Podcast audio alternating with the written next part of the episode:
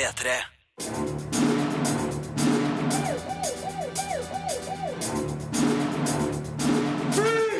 Filmpolitiet! What's your name, dude? Birger Vestmo. What kind of stupid name is that? Unge skuespillere imponerer i den norske familiefilmen Operasjon Arktis. Fransk humor treffer ikke i premiereklare familiekaos, og den islandske artisten Bjørk kan nå oppleves på kino i konsertfilmen Biofilia Live. De her filmene anmeldes i denne podkasten fra Filmpolitiet, der du òg får møte regissør og skuespillere fra Operasjon Arktis, og hør om den pågående skrekkfilmfestivalen Ramaskrik i Oppdal. En av filmene som vises der, er Utbyrd, myten våkner, regissør Astrid Thorvaldsen kommer innom, og vi skal snakke om Warner Brothers sine planer for DC Comics superhelter. Rune Haakonsen anmelder det nye spillet Alien Isolation, og vi snakker om regissør Ridley Scotts kommende science fiction-film The Martian, der Aksel Hennie har fått én av rollene. Filmpolitiet anmelder film.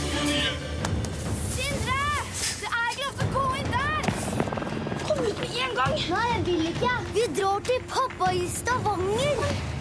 Operasjon Arktis er en vakker og velskrudd film for unge kinogjengere, som også voksne kan ha glede av å se.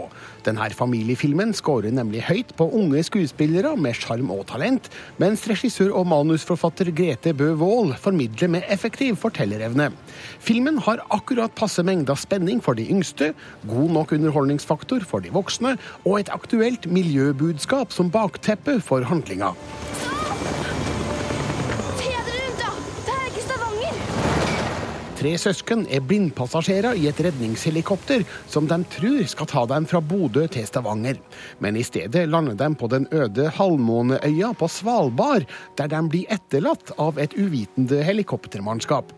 Julia, spilt av Kajsa Gurine Antonsen, Ida, spilt av Ida Leonora Valestrand Eike, og Sindre, spilt av Leonard Valestrand Eike, må kjempe for å overleve, unngå en farlig isbjørn og finne ut hvordan i all verden de skal komme seg hjem. I morgen, når det blir lyst, så går vi til naboen og ringer hjem. Lover. Lover. Lover. Filmen starter kjempebra, med frisk introduksjon av figurene og en historie i rask utvikling. Hvordan søsknene havner på Svalbard, er kanskje resultatet av litt ville omstendigheter, men samtidig ikke helt søkt heller. Når handlinga har forflytta seg til den øde øya, mister historien etter hvert litt tempo. Både figurene og publikum havner i en litt låst situasjon i en jakthytte. Bortsett fra noen dramatiske avstikkere er det litt i overkant mange ventesekvenser inne i hytta. Men mot slutten tar dramatikken seg virkelig opp igjen.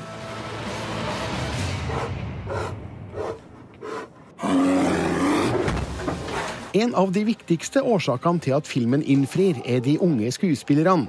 Kajsa Gurine Antonsen overbeviser som storesøster Julia, som ikke er den tøffeste jenta når vi møter hun, men går gjennom en utvikling gjennom prøvene hun blir satt på. Ida Leonora og Leonard Valestrand Eike er òg gode funn, med herlige og friske opptredener foran kamera. Garva skuespillere som Kristoffer Hivju, Line Verndal, Nicolai Kleve Broch og Per Kjærstad er viktige tilskudd, men det er barna som utgjør filmens hjerte, og de gjør en beundringsverdig innsats. Tenk å bare ingen data, ingen TV, ikke badekar, ikke noen ting. Operasjon Arktis er en vellaga film med høy kvalitet på både lyd- og billedfronten. Svalbard og Bodø er nydelige innspillingssteder, flott fotografert av Gaute Gunnari, og jeg lar meg imponere av en fantastisk isbjørn som er et viktig spenningselement. Filmens midtre del burde kanskje hatt et litt større spenningsnivå, men barn vil la seg rive med av en underholdende historie med et miljøbudskap om global oppvarming og issmelting. Åh, Skal vi gå ut og leke litt? Terningkast fem. Grete Bø Wold, Kajsa Kurine Antonsen og Kristoffer Hivju, velkommen. Takk, takk, takk, takk. Vi må snakke om eh, filmens eh, isbjørn. Eh, Grete, isbjørn er jo en sentral del av handlinga. Hvordan fant du en isbjørn som lot seg filme? Du, det, det er jo bare én i hele verden som, eh, som er på noe som helst vis eh, trent. For isbjørn er jo mm, et av de aller villeste, men også sett på som det farligste rovdyret i verden. Så det fins bare én. Uh, og jeg hadde egentlig Mark Dumas, som har Beyond Just Bears i, i Canada, hadde jeg hørt om når jeg bodde i New York, så hadde jeg jobba for Arts and Entertainment Television.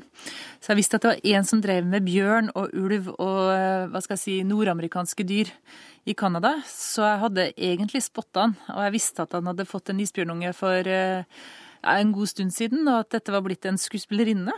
Eh, men hun, hun er jo en eksklusiv dame. Hun, hun, heter, hun heter Aggie, og hun har en egen Facebook-side. Ja, ja, ja. Eh, Kristoffer, vi ser jo deg da tidlig i filmen som fangstmann i nærkontakt med denne isbjørnen. Ja. Er det rent og skjært eh, juks og filmtriks?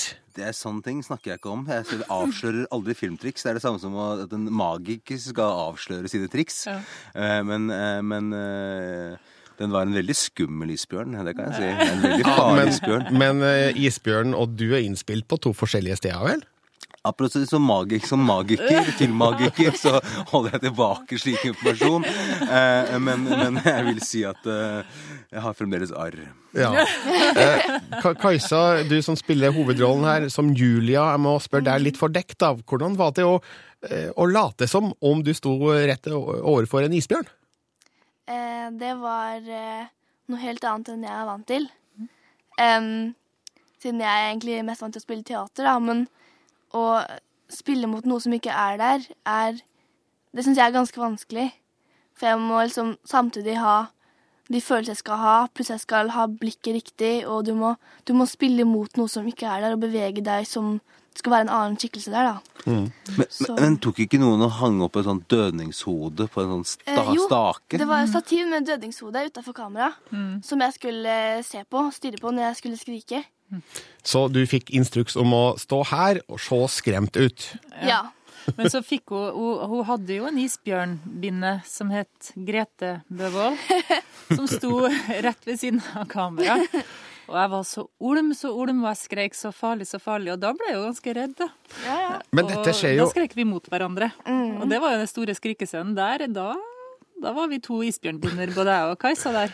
Ja. men, men på film så ser jo det her rett og slett veldig farlig ut. Uh, Var dette sikkert, Grete?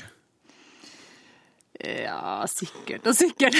Jeg, jeg ble litt usikker når, når, vi, når vi kom til Svalbard og måtte kjøre seks timer med scooter til det Ja. stedet vi skulle filme. Eh, og, og, og vi fikk ikke lov til å gå et skritt utenfor huset uten å ha, et gevær i hånda. Ja, ja. Så da, da ble jeg litt usikker. Ja, vi, får ikke, vi, får, vi får jo ikke lov å bevege oss en meter uten uh, væpna bak. Nå er jo Kristoffer en habil skytter, så han fikk jo sitt eget gevær. Men for oss som ikke er så skuddsikre, skulle jeg ta si, så, så måtte vi ha vakt med oss overalt. Jeg fikk ikke mitt eget gevær. Jeg, jeg, jeg, jeg er tolvteplass kretsmester i junior salongrifle 22 kaliber. Jeg fikk ikke mitt Fikk eget. du ikke? Nei. Jeg gikk hele tida og trodde at du hadde Det, landrifle det, var, det var en kvinne med et gevær som gikk og passet på meg. Ja, ja, ja. ja. ja Ingebjørg var det. Ja, hun var jo rask på avtrekkeren, så der var du trygg. Ja. Men det er jo uvant for meg, det, da, for jeg er sånn som bare går og går, og jeg går jo hvor jeg vil alltid. Eh, Så, så de hadde sitt svare strev med å henge på meg, da. Men mm. det var faktisk isbjørn i området, og den hytta har jo blitt angrepet av, av isbjørn. Så det, vi, eh, vi var midt i isbjørns rike på besøk. Men isbjørn i filmen er jo ikke bare et spenningsskapende element. Det er et miljøbudskap her også, Grete. Absolutt. Hvordan da? Um, isbjørn har jo blitt et symbol på det som skjer eh, i Arktis. Altså utfordringene rundt eh, global oppvarming er reell, og det er i Arktis det skjer raskest. Eh, la meg si det sånn, Isfjorden, hvor vi filmer, eh, kalles Isfjorden fordi bruker, den fjorden fryser over først. Det bruker å være masse is der. Eh, det var ikke is der når vi var og filma nå. Så problemstillinga rundt eh, at isbjørn jo sulter i hjel fordi de jakter på isen Isbjørn eh, må ut på isen for å jakte på sel, ringsel primært. Eh, Når isen ikke kommer, så sulter jo isbjørn. Og det er jo problemstillinga at disse barna havner på en øde øy hvor det er en bjørnebinne med to barn som ikke får kommet seg ut på isen for å jakte pga. global oppvarming. Eh, Og det har vært viktig for meg at det kommer gjennom i filmen, eh, fordi det aktualiserer eh, det jeg tror er den største utfordringa vi står overfor i fremtida. Vi begynner å se det nå, men jeg tror om ti år så vil det være en av hovedproblemstillingene i verden. Mm. Så jeg syns det var viktig å få det med.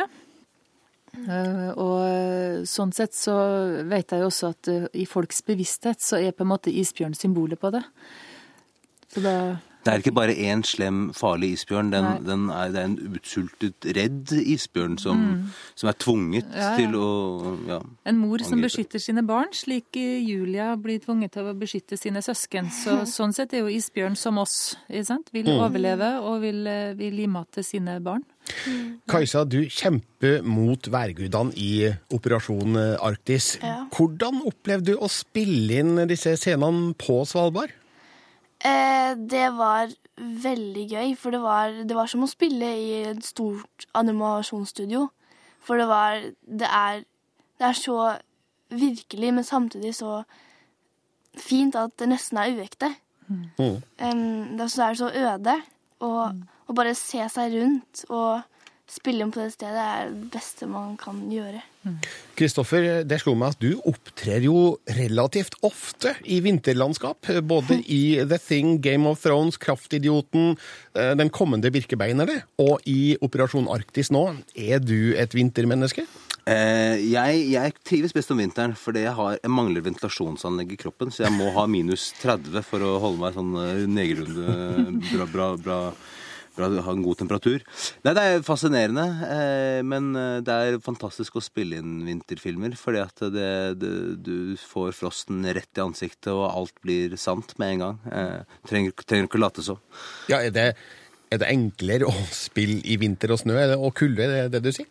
Å spille i vinter og snø, det er piece of cake. At det er kjempelett. I varme veldig vanskelig. Kan jeg få stille et spørsmål? Ja. Fordi, Kristoffer, et problem veldig For jeg har gjort andre TV-serier og filmer også i arktiske strøk. Og da har, man, da har jeg skrevet lange manus med lange replikker. Som jeg oppdaga at det er ikke så lurt når det er minus 30, fordi skuespillernes lepper fryser. Altså at de klarer jo ikke å snakke. Har du hatt det problemet? Eh, nei, jeg kan ikke huske Nei. Så du har ikke stått der og liksom hatt en monolog, og så klarer du ett ord, og så, og Så fryser jeg i så midten. klarer, klarer jeg ikke å si Nei, Nei, nei, nei, det går bra. Jeg, er god på Jeg jeg er god på ismonologer. Du er god på ismonologer. Ja, det er en veldig sjelden egenskap. Det er faktisk unikt talent. Grete, da du skrev filmmanuset som er basert på Leif Hamres bok, da måtte du vel forstå at denne innspillinga den kunne bli utfordrende? Hva har vist seg å, å, å, være vanskeligst? En sånn film som det her, så er faktisk logistikken det vanskeligste. Fordi eh, vi, vi brøt jo opp opptakstida. Var jo, vi vi starta i, i Bodø med masse helikopter og helikopterflyging, og, og vi filma Altså, det viktigste for meg var at alt var filma så sant og ekte som vi kunne klare. Så hele helikopterdelen er filma på Skvadron 330 i Bodø, og de er jo en aktiv Altså, det er jo det er jo et aktivt sted, så når de får nødalarm, så forsvinner både helikopter og alle statistene mine. Eh, Så vi måtte jo filme Altså, vi måtte bare forholde oss til det. Eh, Og så hadde vi en kort pause, og så filma vi i studio. Den delen var jo eh, utfordrende fordi jeg hadde tre barn i, på et rom, og vi skulle lage film. Så det er, jo, det er jo intensivt. Det var veldig intensivt. Og så hadde vi pause igjen, og så filma jeg i Canada isbjørn. Og så hadde vi pause igjen, og så filma vi redning og eksplosjon og sånn en vinternatt. Og så hadde vi pause igjen, og så var det på Svalbard. Og da var vi et lite team som dro langt, langt, langt vekk fra virkeligheten. Hvor eh, ryker en lampe, eller skjer det noe der, så, så har jeg ingenting å hjelpe meg med. Så det var liksom logistikken, å få alt dette til å henge sammen til å bli én film. Um, og liksom, holde alle trådene og vite akkurat temperaturen på de overgangene og ha filmen i hodet hele tiden, selv om vi brøt opp alt. Uh, men så må jeg jo si at å filme på Svalbard var jo egentlig den mest takknemlige delen, for der, der var vi i det miljøet vi skulle skildre. Mens alt det andre var jo Vi skulle fryse inn i hytta samtidig som det var 40 grader under lampene der. ikke sant? Og, og den type utfordringer hadde vi jo ikke på Svalbard. Kajsa, hva syntes du var det mest utfordrende under innspillinga av Operasjon Arktis? Mm, det var vel, tror jeg, på Svalbard. For det var, det var ganske kaldt. Mm. Eh, og så skulle vi gjøre Vi skulle gjøre noe samtidig som vi skulle si noe. Og det, innimellom ble det litt mye på en gang. Eh, men det var samtidig en av de morsomste tingene, tror jeg. Men også veldig utfordrende. Mm. Eh, Boka som jeg nevnte i sted av Leif Hamre, den er fra tidlig 1970-tall. Eh, Hvordan gikk du frem for å modernisere denne historien, eh, Grete? Jo, jeg var jo så heldig å få treffe Leif Hamre før han døde, så han var jo med litt i prosessen i starten. han. Og hans sønn Geir tok jo over, og har hatt veldig tett kontakt med de hele veien. Og det har vært en fantastisk prosess med Hamre-familien. Men for at jeg skal klare å gjøre en sånn bok om til film, eh, så skrev jeg egentlig bare et par siders synopsis for min del av dette er rammehistorien, og så skriver jeg manus fra scratch. Og diktet har forandra Jeg har forandra ekstremt mye fra boka, men prøvd å være tro mot Leif Hamres ånd. Altså eh, eh, prøve heller å være tro mot bokens ånd enn å liksom være så slavisk i forhold til at teknologien har utvikla seg. Alt med helikopter og, og den teknologien har forandra seg. Global warming, altså global oppvarming, har jo blitt et aktualisert tema som ikke de var opptatt av på 70-tallet. Jeg gjorde om hovedrollen fra gutt til jente. Så jeg har jo forandra ekstremt mye på det. Men samtidig har Geir Hamre og Hamre-familien vært med i alle prosessene. og, og sånn sett vokta sjelen til prosjektet, og det har jo vært det viktigste, og det føler jeg at vi har klart å ta vare på. Men ellers har jeg fristilt meg helt fra boka og bare tenkt på filmen som et selvstendig verk som, som skal eh, bæres av sin egen integritet hele veien. Det her er en eh, familiefilm med spenning for de yngste. Aldersgrensen er satt til sju år. Kristoffer Hivju, du har eh, døtre rundt den alderen der. Ehm, tok du rollen for, for at de endelig skulle få se pappa på film? Ja, det, det er et poeng det, ikke sant? Hva, hva er det alt dette andre? Nei, det, det får du ikke lov til å se. eh, men nei, men det, det er fantastisk. Og jeg, jeg satt jo på min fars fang og så på film da jeg var liten, og har veldig gode minner fra det. Og jeg elsker jo å vise mine barn film, film. Og jeg gleder meg veldig til å vise dem denne filmen her, for dette er en film som Foreldre og barn vil kunne sitte i enorm spenning og klamre seg fast til hverandre og, og, og, gråte og le sammen. Så ja. Men, men tror du barn kan få noe ut av denne historien, eh, altså utenom spenningselementene? Få noe ut av det, ja. Dette, er, dette handler om uh, dette, er jo på, dette er en film som er laget på en måte barns premisser. Det er barn som er hovedrollen, og de gjør en fantastisk jobb. Virkelig. Uh, så dette er, en, dette, er en, dette er en situasjon det er veldig lett for barn å leve seg inn i og, og forstå og, og, og føle med. Kajsa, det her er din første store filmrolle. Kan du fortelle hvordan din karriere som skuespiller starta? Eh, den starta som at jeg hadde veldig lyst til å gå på audition. Eh, jeg visste ikke hva det var, eh, men jeg ville gå på audition for å vite hva det var. Og så spurte jeg mamma om jeg kunne gå på en audition. Eh, og da spurte teaterlærerne mine om de visste om det var en audition i nærheten. Og da sa de ja, det er en audition eh, på en film, eller til en film som heter Operasjon Arktis, neste dag i Oslo. Og den dagen når jeg var ferdig med, sko ferdig med skolen, så var jeg på vei hjem, og så sa jeg til mamma at jeg egentlig ikke ville gå på audition, for jeg ville bade med vennene mine. Um, og, så, og så gikk jeg, og så kom mamma kjørende etter meg og sa at jeg måtte prøve å gå på audition når jeg først hadde muligheten. Uh, og da sa jeg greit, da, og så var jeg litt murt, og så satte jeg på bilen, og så satte jeg meg på toget. Og så em, og så møtte jeg pappa i Oslo, og så gikk vi på audition, og så sto vi to timer i kø. Og når det var tre foran meg, så hadde tida gått ut. De hadde satt tidspunkt til hvor lenge audition skulle vare. Og da trodde jeg selvfølgelig at vi måtte gå hjem, at vi ikke fikk lov til å ta audition. Men det fikk vi lov til, da, heldigvis. Eh, og så tenkte jeg ikke noe mer over rollen. Og så kom jeg videre til andre og tredje og fjerde. Og jeg begynte å tenke mer og mer på den rollen. Og jeg, jeg fikk veldig lyst på den rollen. Tenkte at det kanskje var en mulighet for at jeg kunne få rollen. Jeg gjorde selvfølgelig alt jeg kunne. Eh, og siste audition, tror jeg det var, den, da skulle vi gråte og skrike. Eh, alt, vi, gjøre, vi skulle gjøre alt vi kunne.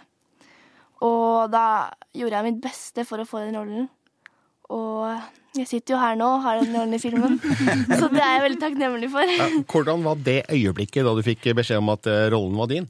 Eh, da var jeg hos bestemor i Nord-Norge. Og så tok pappa meg til side og sa at eh, nå har jeg fått beskjed om at jeg har fått rollen. Eh, og da, da, da måtte jeg sette meg ned, for da ble jeg svimmel, faktisk.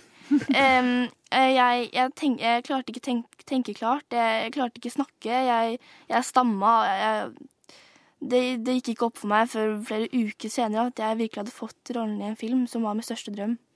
Grete, kan du forklare eh, hvilke kvaliteter du var på jakt etter eh, til, til hovedrollen som Julie?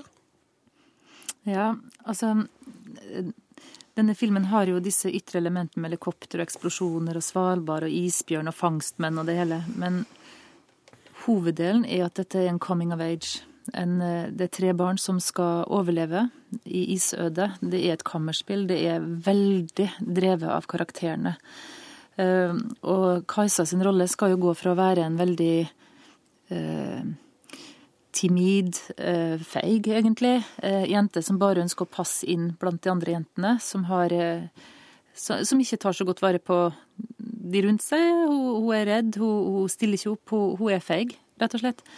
Eh, og veldig sånn søt eh, pike som du ikke tror kan klare eh, så veldig store utfordringer. Og så skal hun gradvis utvikle seg gjennom hele filmen til å bli en sann helt, en klassisk Hollywood-heltinne. En actionhelt. Hun skal slåss mot isbjørn, hun skal falle i isvann, hun skal kjøre scooter, hun skal jakte, hun skal holde på med gevær. Det er en voldsom eh, utfordring. Selv for en trent voksenskuespiller er dette en krevende rolle. Mm. så jeg måtte finne en jente som jeg kunne se alle de egenskapene i.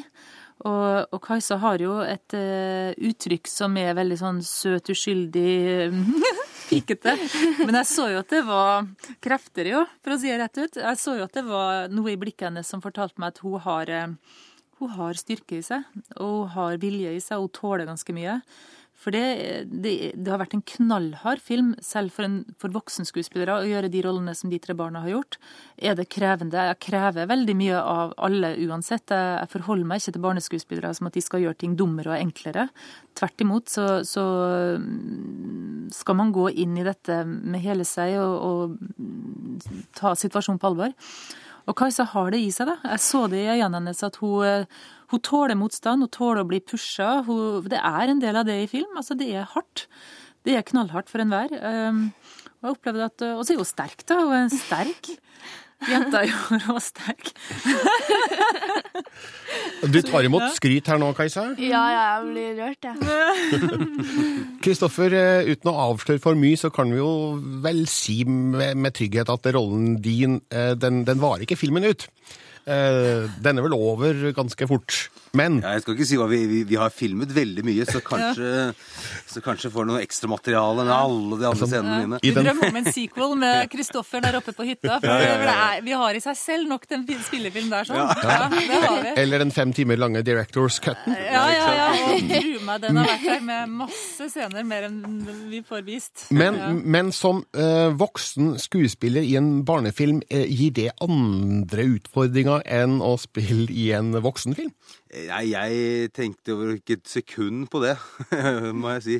Eh, Jeg leste manuset som en eh, fortelling om en, en ekstrem situasjon. Og, og, og selv om det var barn som spilte hovedrollen, så har jeg alltid sett på dette som en, en, en universell fortelling for mennesker, ikke for barn eller voksne. Det er for alle. Så jeg, eh, jeg spilte så godt jeg kunne, jeg. Jeg justerte i var ikke noe annerledes, nei. Nei. Eh, Du trengte en eh, fangstmann med pondus i starten eh, her, Grete. ja, det trengte jeg. Ja.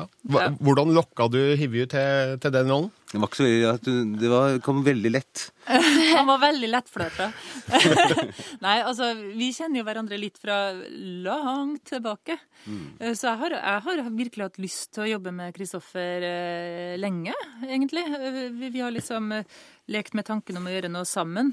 Og denne fangstmannen altså jeg tenker, Hvis det er en mann som kan forstå fangstmann altså Kristoffer har jo på en måte en slags urmann inni seg, som, som øh, opplever jeg som, som et veldig sånn rent uttrykk. Fordi å spille en sånn mann, hvis den blir spilt, skjønner du hva jeg mener, at, at, at det blir konstruert, kan bli dumt. Så en mann som virkelig kan forstå fangstmann, og, og, og som har øhm, hva skal jeg si, en sånn øhm, Jeg opplever at Kristoffer har en veldig sånn direkte kontakt med noe sånn helt reint som jeg tenker at han fangstmann hadde. Altså, Dette er en mann som velger å bo i villmarka, som, som, som, bryr seg om isbjørn.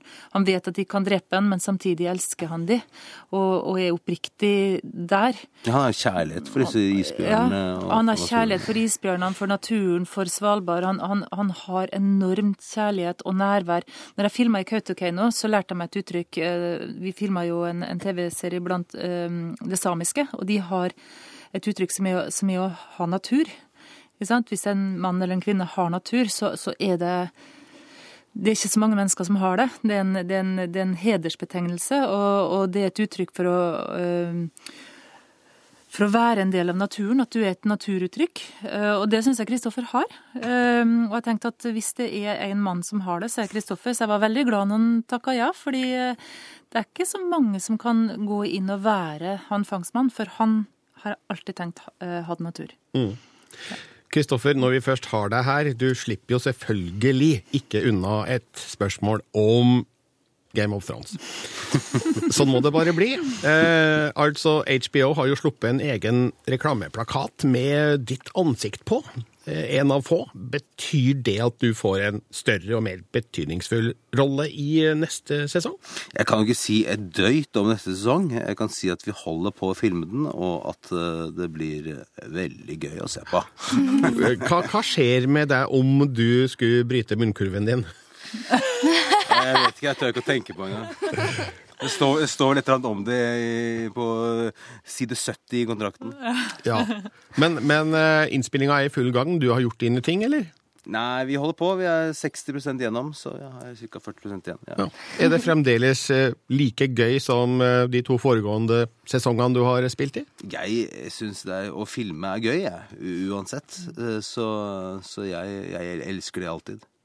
Elsker at du prøver å ikke si noe. Ja. det er bra. Det er godt gjort. Du, du har blitt flink til det. Gratulerer. Jeg, jeg var dårlig på det før. Men nå er det klart for premiere på Operasjon Arktis. Hva, hva er dine forhåpninger, Grete? Nå, først og fremst er mine forhåpninger at de som finner veien til kinoen, får en fantastisk opplevelse. Store og små. Jeg, jeg, håper at både voksne og barn som ser den filmen her, opplever at de får en fantastisk historie. Det er min forhåpning. Hva gleder du deg til, Kajsa? Eh, jeg gleder meg til at familie og venner skal se filmen. Og de som jeg har sett og hørt, har sett, som har sett filmen nå, da jeg har bare fått gode tilbakemeldinger, og det er veldig hyggelig. Til og med voksne som har sagt at det er beste barnefilmen de har sett. Eller familiefilmen, da. Har du fått litt eh, filmstjernestatus allerede i kretsen rundt deg? Ja, kanskje litt. jeg har jo alltid likt rampelyset, da. Jeg har alltid likt å være foran kamera. Så gjennom hele barneskolen og sånn. Jeg har alltid blitt, eh, ikke erta, men alle har liksom Jeg har vært den som har likt å være foran kamera hvis det skulle dukke opp et kamera i klasserommet. Så jeg har alltid vært den som hopper fram og skal eh, være reporter eller et eller annet sånn. Ja, så det er veldig morsomt. Flott. Tusen hjertelig takk til dere alle tre. Ja, mm, takk skal du ha. Ha det godt. Ha det. Ha det. Dette er Filmpolitiet på P3. P3. Filmpolitiet anmelder film.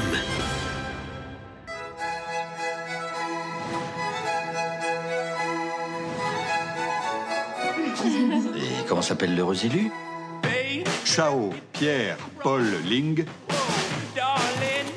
Rachid Abdul Mohamed Benassem. David Maurice Isaac Benichou. Tout le monde sourit J'en vois qui sourit pas, là. Bougeons plus. Multikulturelle forviklinger danner grunnlaget for den franske filmen Familiekaos, som har blitt en stor suksess på hjemmebane. Det er litt vanskelig å forstå, for det her er en tannløs komedie blotta for lattervekkende humor. I stedet forsøker regissør Philippe de Chauveron å ufarliggjøre høyst reelle problemstillinger, der figurene fremstår som lite troverdige skisser av ekte mennesker. Familiekaos har en flyktig sjarm, men det her blir likevel for bleikt om fargerikt fellesskap. On les invitait à Noël Comment ça, on va passer Noël chez tes parents On évite tous les sujets qui fâchent. Hein. Israël, le Dalai Lama, la burqa. Il y aura Jackie Chan et Arafat Il y aura Kadhafi, Enrico Macias pas qu'il y aura Bruce Lee et Popek. Surtout. Herr og fru Verneuil, spilt av Christian Clavier og Chantal Lauby, har tre svigersønner. En jødisk, en muslimsk og en kinesisk. Det her skaper betente situasjoner når familien samles, og direkte provokasjoner bringer svigerforeldrenes fordommer frem i lyset. Nå vil de invitere alle hjem på julefeiring, inkludert deres fjerde datter, som til nå har vært singel. Men hun kommer hjem med en liten hemmelighet på lur. Hun skal også gifte seg, med en afrikaner. Et si quelqu'un balance un tu laisses couler. Si quelqu'un fait l'amalgame entre immigration et délinquance, toi, tu, tu dis rien. Et s'il y en a un qui balance une vanne sur les Chinois, je fais quoi Bah tu souris. Ah, Je fais le chinois, quoi, en fait. ah, le noix. Suce-boule en chef, quoi. Utgangspunktet er lovende. Her kan det fortelles mye morsomt om hvordan menneskers fordommer får en reality check i møte med virkeligheten. Og det finnes scener som fungerer. Men flere av figurene undergraver sin egen integritet når de drar frem rasismekortet så snart noen nevner noe som helst negativt om familiens multikulturelle tilstand. Dette er et brennbart tema som filmen er ganske uforsiktig i behandlinga av. Je pensais à votre petite dernière. Elle se mariera peut-être avec un catholique. Je vais le marier. Il est catholique Oui Familien i filmen er fremstilt på en lite troverdig og realistisk måte. Langt ute i handlinga begynner svigermor å spørre hvordan alle parene møttes, noe som for lengst måtte ha vært godt kjent under vanlige forhold, mens ingen reagerer på at datter fire annonserer sitt forestående giftermål, uten at noen engang vet at hun er i et forhold. Og så, ut av det blå, begynner svigerforeldrene å si at dem skal skilles, men så skal de visst ikke det likevel. Ting som det her svekker både min interesse for figurene og min sympati for deres tilfeldige problemstillinger. On se réjouit. Des minutes de retard, on est au moins sûr d'une chose, c'est pas un chinois. hein. C'est voiturier. Je vous présente Charles. Familiekaos er litt for pent filma, litt for glansbilledskjønn i uttrykket, og forsøker å være søt og sjarmerende når den kanskje heller burde ha forsøkt å være farlig og utfordrende. Det hadde gått an å lage et godt drama ut av denne tematikken, og samtidig gjort bitende humor på bekostning av fordommene som rår på alle fronter. Familiekaos er en middels god film som blir for snill og ufarlig til å fortelle noe nyttig om problematikken i multikulturelle skjæringspunkter.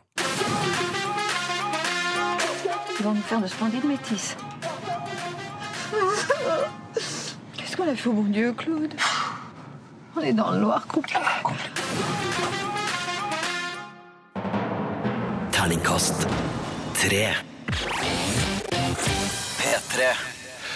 Filmselskapet Warner Bros. har kommet med en storslagen plan for superheltene i DC Comics sitt bibliotek, som Warner har rettighetene til. Rune Håkonsen, eh, hva er det Warner driver på med her? De driver nå og rett og slett legger en slagplan for hvordan de også kan tjene massevis av gryn. Eh, Man trenger jo ikke si det mer utilslørt enn akkurat det, for det handler jo om penger, eh, selvsagt. Og Marvel her er altså den store ledestjernen, selskapet som de siste årene, spesielt da siden fase 1 startet i 2008, har sopet inn så mange milliarder med kroner at de sikkert kunne bygd en høyhastighetsbane mellom Oslo og Trondheim. Og vel så det, tenker jeg. Ja, så Warner de har sett på suksessen til Marvel og tenkt Yes. at eh, det her har vi lyst til å gjøre også. Mm. Eh, Det som er interessant, er at Marvel har jo hatt en eh, langsiktig plan i mange år, og var nå inne i forskjellige faser til og med. Fra 2008 til 2012 så begynte de sant, med Iron Man og, og Thor og etablerte Captain America, disse heltene, og så kommer som del to når de begynner å jobbe sammen. Så her er det en veldig langsiktig plan som går mange år fram i tid, og som de har holdt på med i mange år. Warner starter nå med én stor plan eh, fram til 2020, hvor ti superheltfilmer skal gjøre mye av det samme. Altså introdusere ulike superhelter og superskurker, og så samle de i Justice League-filmene. Ja, for DC Comics har jo òg et rikholdig arkiv eh, med superhelter som kanskje ikke er blitt utnytta i like stor grad på film? Altså, Jeg syns jo det har vært mange gode Batman-filmer, og ikke minst Supermann-filmer. Men, men hvis du ser på hvor vellykka det har vært for Marvel, så, så, så har jo de litt å ta igjen der. Og det som eh, skjer nå, er at i 2016 så sparkes det hele i gang en ganske intens fireårsperiode med Batman vs. Superman Dawn of Justice. Altså første gang da både Henry Cavill og eh, nye Ben Affleck i rollen eh, som, som nye Batman møtes på lerretet i, i denne storfilmen. Mm. Den planen som eh, Warner og DC Comics har uh, lina opp eh, nå, eh, hva inneholder den egentlig? Ja, altså I tillegg til den filmen som sparker hele gang i 2016, som vi nevnte, Dawn of Justice, så kommer da samme år eh, filmen Suicide Squad, som er en tegneserie eh, med en gruppe superskurker som utfører farlige oppdrag på vegne av den amerikanske regjeringa i bytte mot redusert straff. Eh, og nettopp det at eh, superskurker i, DC Comics-universet ofte gjør oppdrag for myndighetene, gjør at de ofte også da i filmene og eh, i tegneserieuniverset ofte går fritt. Noe som har overraska mange gjennom årene, men her er en av grunnene til at de faktisk er å finne ute i den åpne verden, disse superskurkene. Suicide Squad ligner jo litt på sånn, sånn skal vi si, The Expendables, tenker jeg. Ja. Eh, nesten. At de bare tar den og skrur den enda et par hakk til på, på, på humorbiten. Det, det, jeg tror det kan fungere. I 2017 eh, så kommer eh, den første virkelig store filmen med en kvinnelig superhelt. Wonder Woman. eh, Gal Gadot i hovedrollen. Hun eh, kjenner ikke så mye til, egentlig. Gjør du, Birger? Ja, ikke annet enn at hun har spilt i tre Fast and Furious-filmer som Giselle. Hun er også da med i Batman vs. Superman-filmen, skal spille eh, Wonder Woman-figuren der. Dukker du opp, da for første gang i den rollen, rett og slett? En liten sånn mindre cameo, kanskje? Kanskje det, ja. Eh, Rett og slett. Og det ryktes òg at hun er aktuell for eh, en rolle i eh, nyinnspillinga av Ben Hur, som kommer i 2016. Ja, men den, nei, vet du hva, den, den kan vi ikke bruke tid på nå. Det, det syns jeg bare er trist at de gjør det. Men uh, Gal Gadot også, Wonder Woman-filmen dukker opp i 2017. Det samme gjør The Avengers-konkurrenten Justice League Part 1. Og vi hører jo i navnet at det her også er planlagt flere filmer i Justice League-serien. Ja. Som rett og slett er da gruppen med superhelter, med Supermann og Batman og Wonder Woman, uh, The Flash. Og noen til også, som vi skal komme til straks, eh, som da dukker sammen opp for å redde verden, universet, menneskeheten etc. Det som blir spennende her nå, da, det er jo eh, at Marvel har jo ikke tenkt å slutte med superheltfilmer. Er det plass til både Marvel og DC Comics eh, på kino? Det, det blir et veldig godt spørsmål, men jeg tenker jo på den måten at det er jo, det er jo vi, Birger, som vinner. Eh, For fase tre av eh, Marvels store plan den starter jo da til neste år med Ant-Man, og så kommer Captain America 3 i 2016, Doctor Strange i 2016, Guardians of the Galaxy 2 i 2017, Thor 3 og The Avengers 3. Sånn at ting er på vei her. Så fram mot 2020 så blir det hallelujastemning, tror jeg, altså på kino. Men hvis vi ser nå da på superheltfilmer fra de siste åra, det, det er jo ingenting som tyder på synkende interesse på Nei. noe som helst vis. Og, og det tror jeg nok er fordi at man som Når man går på kino, så vil man også se disse store filmene. Ja. Det er, altså, Netflix og muligheten til å se serier hjemme har nok kanskje gjort det mindre populært å se de smalere dramafilmene, kan man si. Og så går man på kino for å få de store, uh, høylytte visuelle opplevelsene. Og sånn sett så, så, så ligger jo alt til rette for at det også skal fortsette fram mot uh, 2020. Eh, vi, vi, jeg må bare si, altså, vi har kommet til 2017 i DC-planen, vet du, Birger. Er det mer? Det er masse mer! For Justice League Part 1 også, i 2017, der dukker Ben Affleck, Henry Cavill og Amy Adams opp da i sine respektive roller fra Batman versus Superman. Eh, Jason Momoa, han som spilte Konan eh, da i nyinnspillingen, eller nyversjonen av den, han blir Aquaman. Som jeg syns er kjempegøy. Ja, det er gøy.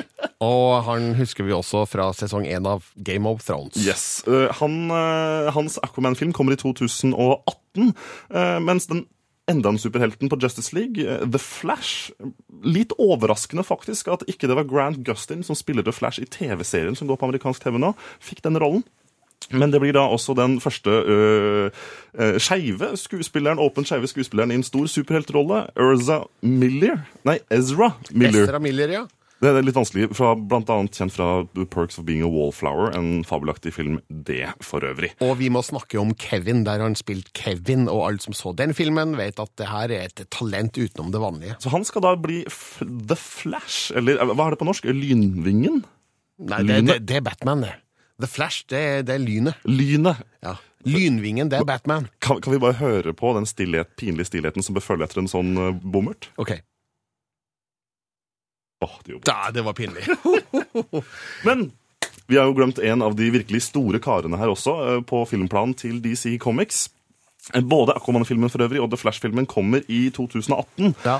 Eh, Men en stor mann, både i, i humør eh, muskelmengde også, må jeg si. Eh, Dwayne The Rock Johnson har jo tidligere blitt bekrefta til rollen som, som Black Adam.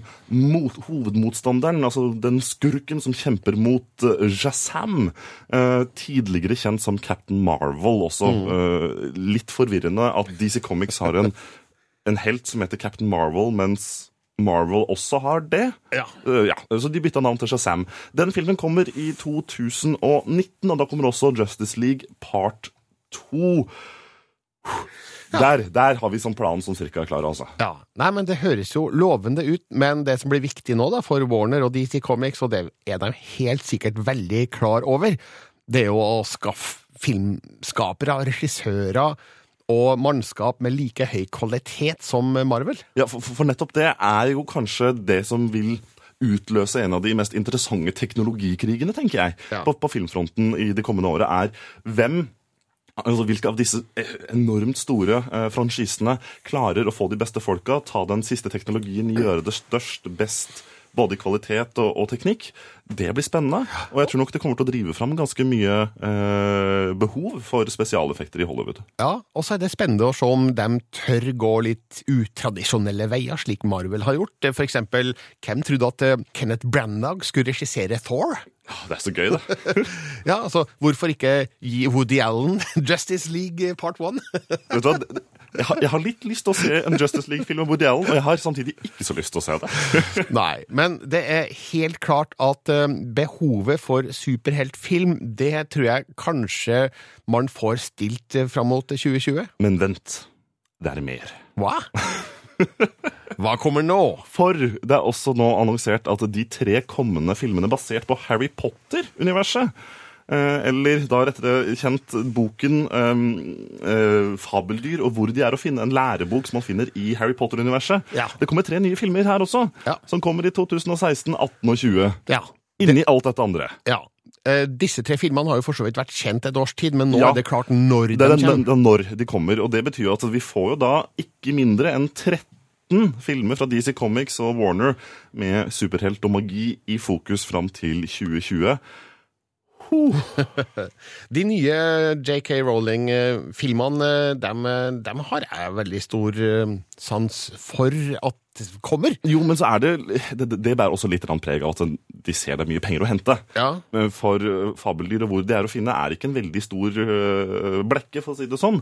Så de skriver jo ikke noe ut basert på som J.K. Rowling allerede har skrevet, men det komponeres nytt og et helt nytt manus basert på Harry Potter-universet. Og det blir jo en litt eh, skal vi si, vei vekk fra hvordan de Harry Potter-filmene vi har sett, faktisk har fungert. Så det kan jo bli spennende å se om det faktisk fungerer. Ja, men det tror jeg kanskje det kan gjøre, fordi det er et eh, svært rikholdig univers, og jeg skjønner jo godt at Warner vil tilbake dit og ja, for det første tjene mer penger, det er jo helt åpenbart, men eh, det, det, det er mer stoff å hente der, altså. Det er så stor og morsom og spennende verden som Rowling skapte i Harry Potter-bøkene. Så sjøl om Harry Potter selvfølgelig ikke er med i disse nye filmene, som er satt eh, mange år før han ble født, så mm, er jeg veldig åpen for å få mer eh, mag magisk spenning derifra. Er ikke du? Jo, vet du hva, jeg er jo helt enig. Jeg er det. Ja, så som du sa, det her er vinn-vinn for oss. Det, det er jo forhåpentligvis bare gode filmer som er på gang. Eh, mulig at vi blir skuffa, men den tid, den sorg. Men eh, jeg sier at eh, det her eh, Altså, too much of a good thing ain't bad. Vet du hva? Helt enig. Gleder meg! Til, fram, skal glede meg helt fram til 2020 ja, nå. Ja, bli, jeg blir med på det. Filmpolitiet anmelder film. Welcome to Biophilia. We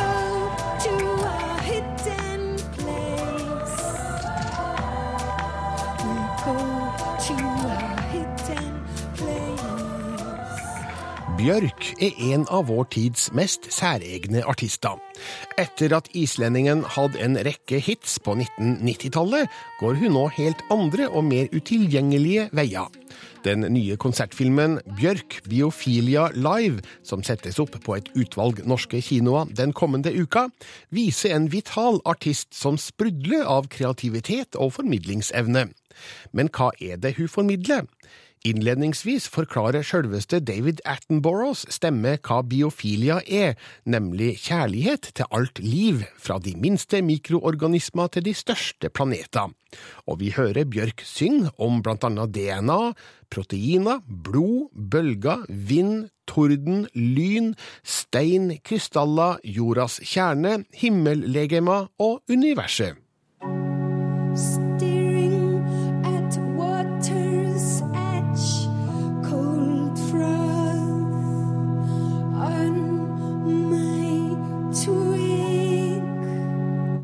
Det kunstneriske innholdet er spennende.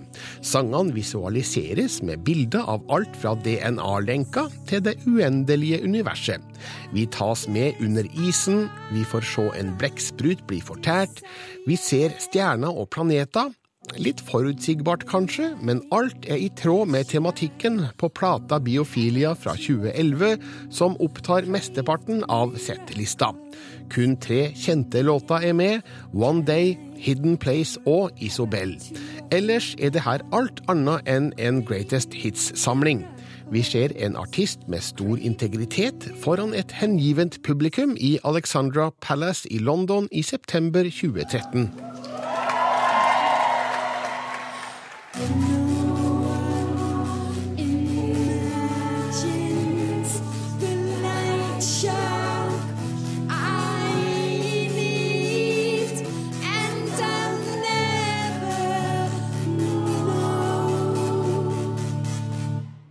Sceneshowet er tilsynelatende enkelt. Kun to musikere er på scenen, og sjøl om mye av musikken nødvendigvis må være forhåndsprogrammert, imponerer de på både tromma, marimba og keyboards. Og så har Bjørk med seg et flott kor med 14 damer fra Island, som ikke bare synger godt, men skaper koordinert liv og røre rundt Bjørk. Sjøl er hun ikledd en organisk kjole som ser ut som en blanding av forsteinede blomster og skjell, samt en stor og fargerik parykk som ikke etterlater noen tvil om hva som er scenas midtpunkt. Hun snakker lite til publikum, og nøyer seg med et enkelt thank you mellom hver låt. Her er det musikken som skal ta seg av all kommunikasjon. As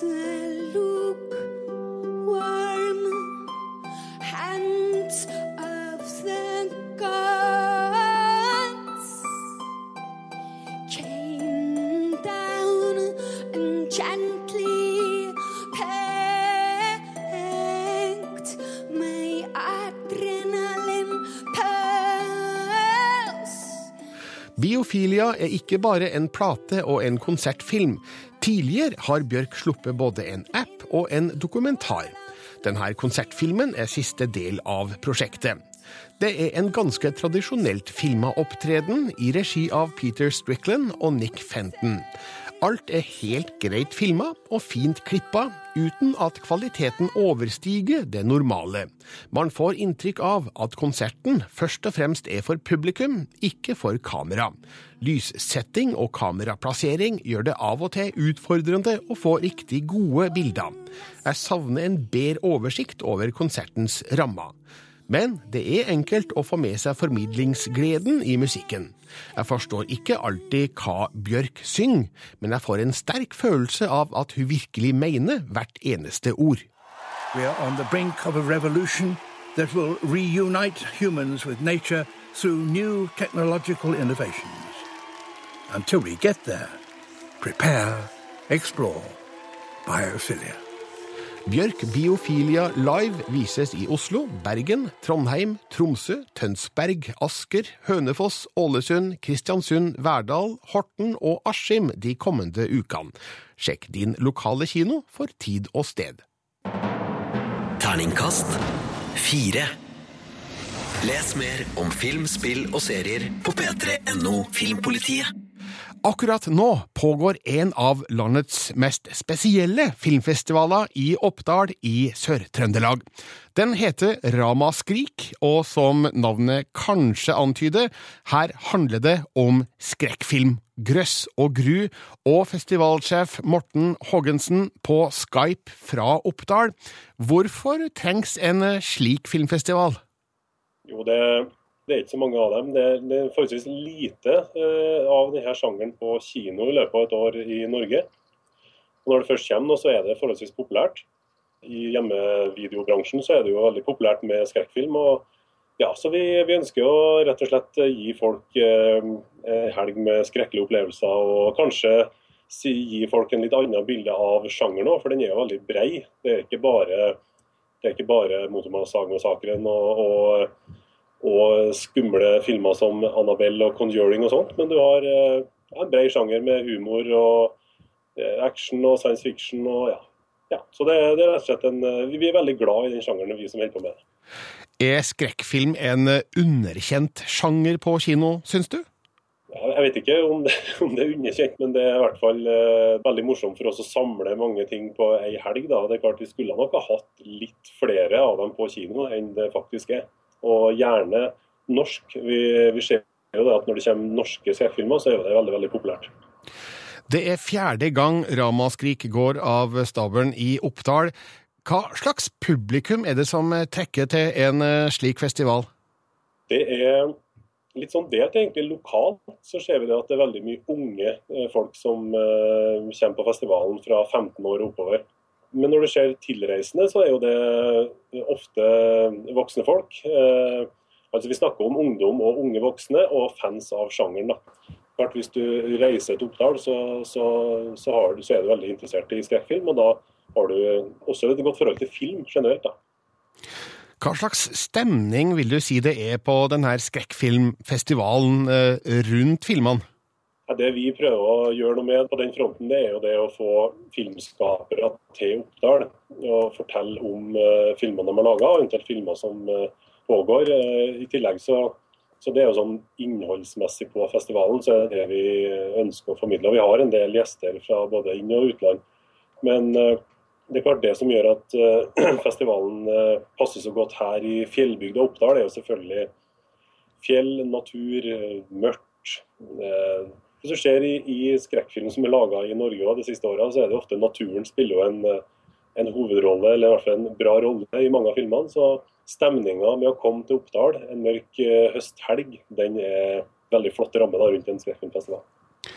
Festivalen starta i går med filmer som eh, Wolf Cop og Night Satan and The Loops of Doom. Fortsetter i dag med filmer som Miss Zombie og In Darkness We Fall. Er det litt eh, sært og smalt, eh, det programmet dere kan by på? Nei da, det, det er ikke det. Det er variert. Vi er veldig opptatt av å få tak i filmer som eh, folk eh, syns er tøff og kul, men vi, også, eh, vi prøver også selvfølgelig å ha en litt en kunstnerisk tilnærming til det. så jeg vil ikke påstå det sært, nei, langt ifra. Vi, vi, vi, prøver å ha, altså Skrekkfilm er ikke en sånn sær eh, sak, men det er klart eh, Hvis du ikke liker skrekkfilm, så er det kanskje sært, for å si det sånn.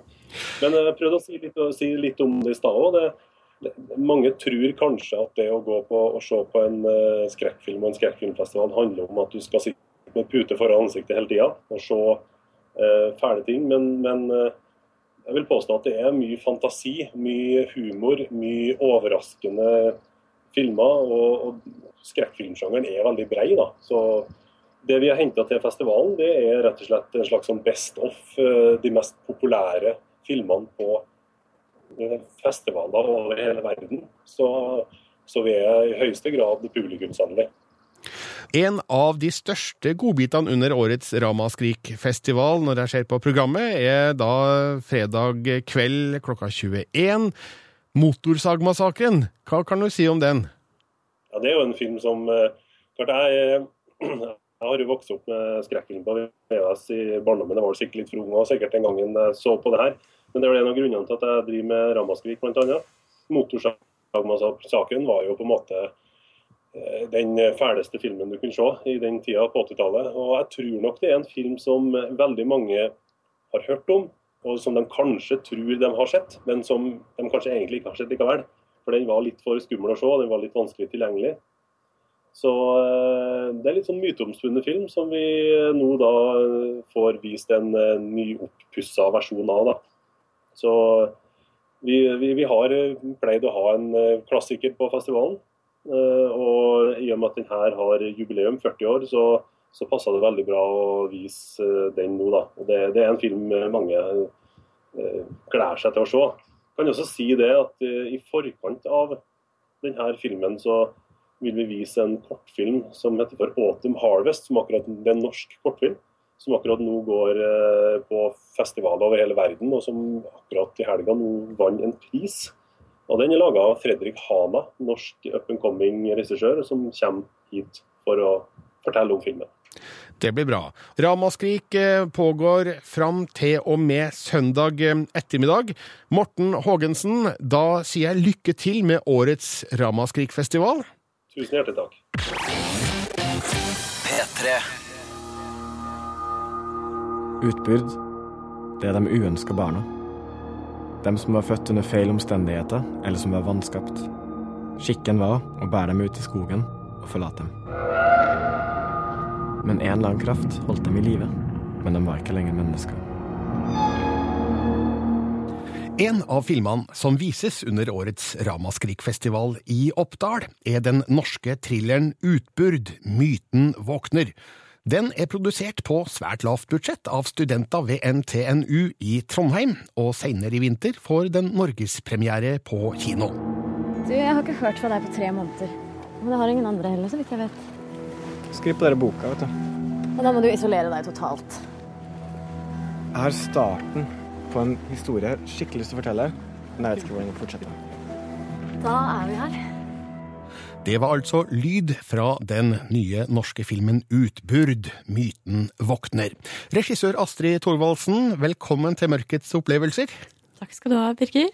Utburd er et uttrykk fra gammel norsk folketro. Kan du forklare hva det her er? Ja, eh, utbyrd det er en myte som spinner rundt eh, det som skjedde i gamle dager. Foreldre satte ut barna sine i skogen. De som var vanskapt, eller foreldrene kunne ikke ta vare på de, eh, og slike tilfeller. Så eh, myten spinner på det av hva som skjedde med de ute i skogen. da. Hva har du gjort for å spinne en film rundt det her begrepet? Det vokste litt sånn naturlig frem. Det var faktisk en foreleser som nevnte utbyrdmyten for oss. Og så fant vi ut at eh, det var ganske mye å hente der. Så kom den her eh, forfatterskikkelsen frem, da. Som, eh, som vi fant ut vi kunne bruke. Han skriver om utbrudd, og så har han, han får skrivesperre, så han blir med en god venninne på hyttetur. Og der eh, forteller han myten til de som er med på hytteturen, og så begynner det å bli litt uklart om det bare er en myte. Eller om det er virkelighet. Filmen starter altså da med en gjeng venner som drar på hyttetur. En ganske tradisjonell åpning på en skrekkfilm, Astrid? Ja, jeg tror de flesteparten av skrekkfilmer åpner vel akkurat på den måten der. Ja. Så mm, vi syns det er litt gøy med klisjeer, da. Og jobbe litt, eh, jobbe litt med de. Og så prøvde jeg å gjøre noen sånne twists da, på de eh, etablerte klisjeene. Så filmen leker litt med sjangerkonvensjoner? Absolutt. På hvilken måte da? Eh, vi har jo noen twister på karakterene. Du har jo ofte veldig sånn standard eh, karaktergalleri i skrekkfilm. da. Du har eh, jomfruen, du har Jokken. jocken. Og her håper vi å liksom, eh, tillegge en ekstra dimensjon da, til hver karakter. Utbyrd har altså sitt utspring fra en del av norsk folketro, og da tenker jeg på filmen Tale, som eh, også hadde samme utgangspunkt. Er det en film som det er naturlig å sammenligne Utbyrd med? Ja, absolutt. Eh, vi har eh, definitivt sett eh, Tale, og hva de har klart å få ut av midlene sine. Så de er absolutt, de er absolutt en inspirasjonskilde. Hvorfor er norsk folketro et interessant eh, tema å ta tak i i denne typen sjangerfilm? Det er jo mye Det er mange myter som er veldig Noen er ganske groteske, og noen er litt mer mystiske. Så det er mange gode ideer der som kan legge grunnlaget for, for filmer. Hva har du gjort for å gjøre denne eh, historien eh, skummel og spennende? Altså, Selve myten er jo ganske spennende i seg selv, da, å tenke rundt hva som kan ha skjedd med barna ute i skogen. Og så liker vi også å leke med det, det psykologiske aspektet, da. Om det man ser, er det virkelig? Er det, er det bare oppi hodet ditt? Og filmen er innspilt i, i skauen. Eh, gir det deg mye gratis med mørk skog? Å ja, absolutt. Den trønderske naturen, den, eh, den gir veldig mye gratis. Det er fosser og berg og solnedganger og skog innen kort rekkevidde, da. Så vi har fått veldig mye produksjonsverdi der gratis. Produksjonsverdi, sier du. Det har jo ikke vært et veldig stort budsjett på utbyrd. Den er laga av studenter ved NTNU i Trondheim. Kan du si litt om hva slags produksjon det her eh, egentlig har vært? Ja, det har vært, eh, det har vært en veldig lav, lavbudsjettsproduksjon eh, med NTNU som hovedprodusent. Og det har vært veldig mye godvilje, og vi har fått hjelp fra det trønderske filmmiljøet. Hvordan har dere hatt det på settet med tanke på utstyr og ressurser? Har det vært skikkelig smalhans? Ja, det har det. Vi hadde startbudsjett på ca. null når vi starta å filme, så det ble mye brødskiver og, og morsomme løsninger på sett. da. Og noen må jo ha syntes at dere har lyktes med det, fordi senere i år skal Utburd Myten våkner ha norgespremiere. Dere har altså fått distribusjon. Vet du hvor den skal vises? Den skal i hvert fall vises i Oslo, Trondheim og Bergen. Og så håper vi også at i hvert fall våre lokale kinoer vil sette den opp. Så krysser vi fingrene for så mange som mulig. Den ordinære premieren i alle byene vil være 14. november. Men først altså skal den vises på skrekkfilmfestivalen Ramaskrik i Oppdal i helga. Mm. Astrid Thorvaldsen, lykke til med det, og tusen takk for at du kom til Mørkets opplevelser. Den hadde stemmen din. Vi må komme oss vekk herfra. Filmpolitiet. Filmpolitiet. Les mer om film, spill og serier på p3.no Filmpolitiet. Filmpolitiet anmelder spill.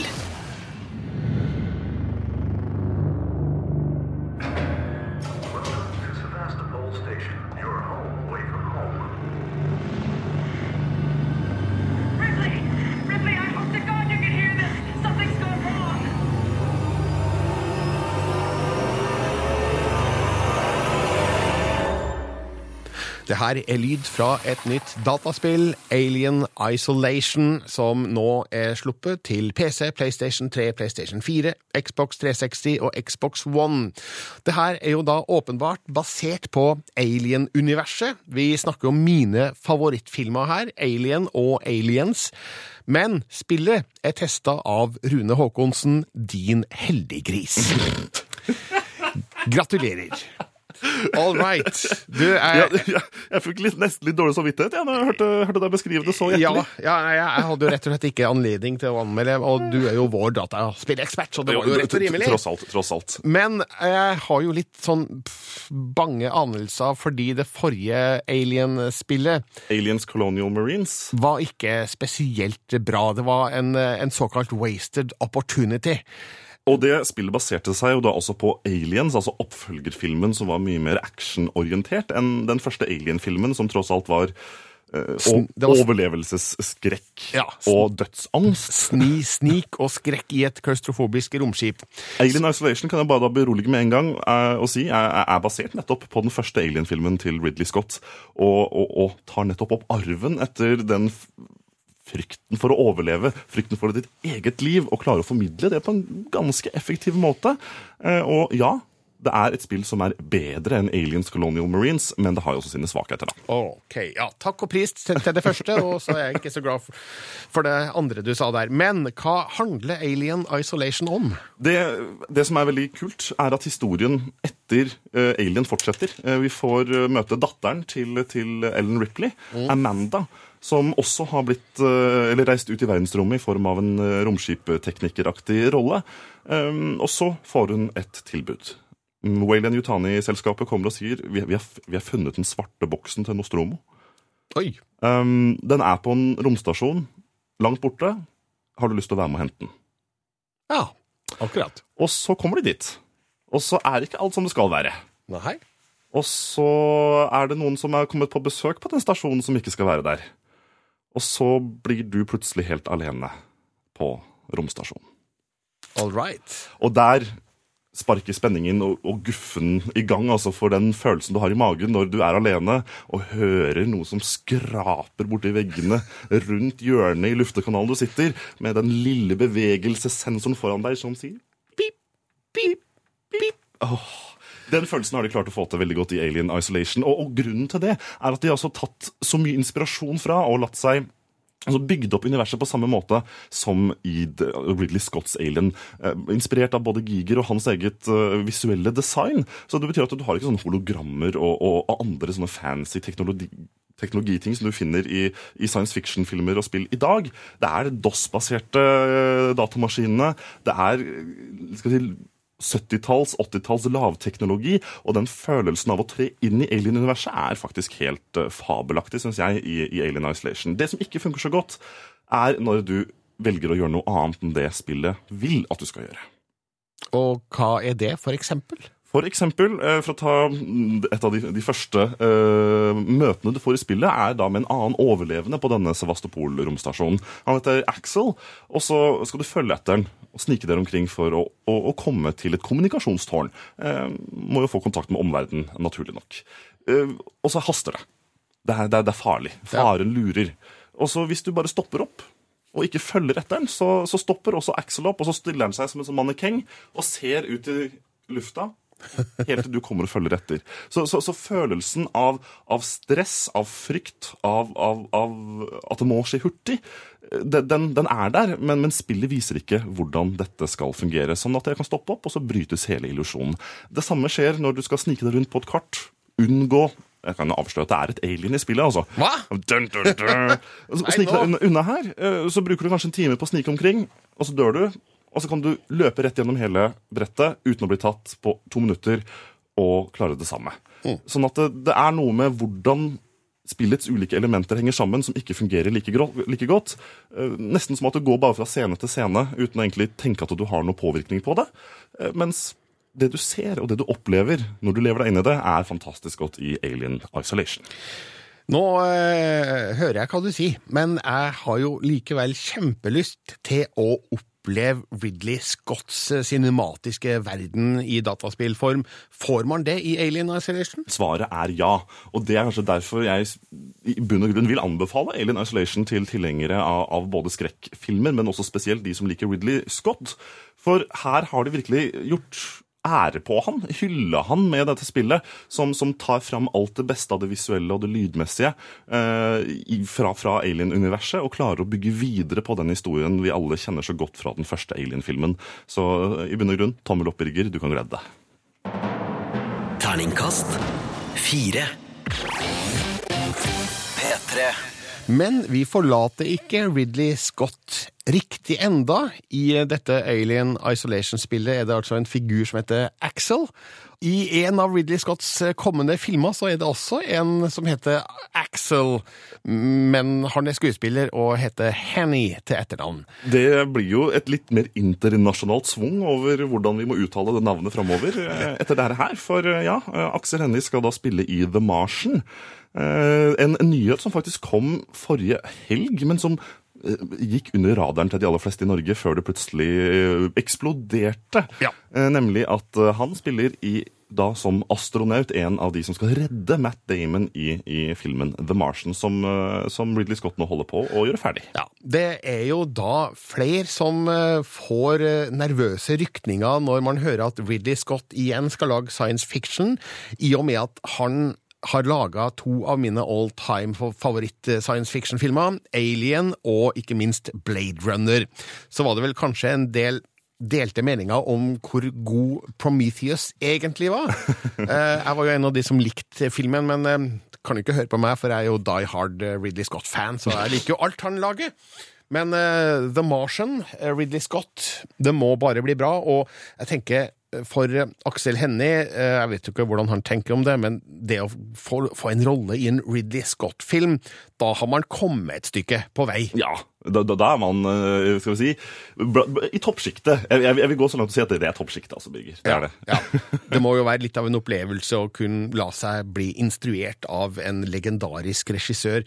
Eh, Men eh, hva veit vi mer om The Martian? The Martian er en Robinson Crusoe-fortelling satt i verdensrommet. Det er en bok skrevet av Andy Weir som kom i 2012, som da godeste Ridley Scott har plukka opp og ville lage film av. Den handler om astronauten Mark Watney. eh, Watney, eh, som da eh, ble spilt av Matt Damon i filmen, som av ulike årsaker, skal ikke gå inn på det og avsløre noen ting her, men blir etterlatt på Mars og må overleve på egen hånd. Aksel Hennie skal da spille et en av astronautene, i hvert fall så langt eh, vi har forstått, en av astronautene som er på et redningsteam ledet av Jessica Chastain, eh, som da skal redde denne strandede astronauten fra Mars. Ja, eh, det høres jo ut som en film det går an å glede seg til, det. Og med det rollegalleriet, Damon Chastain, henne må jo føle seg godt hjemme der. Ja, det, det tror jeg vi kan si. Og jeg, jeg antar at uh, han får leika seg litt der med diverse romdrakter og romskipsett, så i hele tatt uh, tror det blir en fin jobb, det der. Den filmen, visuelt sett i hvert fall, og hva man har sett av bilder og konseptkunst tidligere, vitner i hvert fall om, om, om en, en, en veldig visuell, sterk og rød, naturlig nok, siden det er på Mars, fortelling. Og jeg er veldig spent på å se hvordan Ridley Scott vil formidle denne typen øh, science fiction-historier igjen. For det, nå, nå, nå føler jeg at han gikk i én retning med Prometheus. Dette kan gå i en helt annen retning, tror jeg. altså. Ja, vi får se. Men jeg vil anta at det er snakk om CinemaScope og sikkert IMAX eh, for de landene som har det. Eh, Det har vi jo ikke i Norge. og ja, det er vel også sikkert da 3D, antar jeg. Så det blir stort, pent og bredt og glossy, sannsynligvis. Eh, vil anta at Ridley Scott får med seg flinke, effekt, flinke effektfolk på det laget her. Men nå er jo The Martian én av 40 filmer Ridley Scott har på planen for tida. 77 år gammel, og han virker jo ikke ivrig etter å legge opp, for å si det sånn. Nei, og det er jeg veldig glad for. For jeg vil jo se Prometheus 2. Jeg vil se Blade Runner Eller vil jeg se Blade Runner 2? Ja, jo, jeg tror Ja, egentlig vi ja. vil, men jeg er også litt sånn ambivalent der, føler jeg. Men, For det kan gå i begge retninger. Det kan, det kan bli en kalkun også, veldig lett, tror jeg. men jeg gleder meg veldig til Exodus, som jo ikke er langt eh, unna. En storslagen film ut ifra de bildene man har sett og de rapportene man har fått. En skikkelig vaskeekte, god, gammeldags, eh, episk film. Bi bibelsk eh, episk film, og det er, er jo en del av en bølge eh, filmer med dette temaet for tida også. Jeg må jo innrømme at jeg syns eh, Darren Aronofskys Noah var eh, ikke så eh, godt eksempel på, på, på det. Så jeg merker at jeg er litt skeptisk til, til, til hva Exodus kan by på, altså. Ja, men jeg gir Ridley Scott sjansen til å overbevise meg. Jeg tror at eh, dette kan være hans store Oscar-push, eh, eller jeg vet ikke om han akkurat eh, nødvendigvis sikter etter eh, Oscar-priser, men det er jo den typen film som i hvert fall i gamle dager raka med seg Oscar-priser, så mm, vi får se når Exodus har premiere 19. desember. Og det var alt for denne gangen. Tusen takk for at du lasta med Filmpolitiets podkast. Filmpolitiet Med Birger Vestmo. på P3. Hør flere podkaster på nrk.no podkast. P3.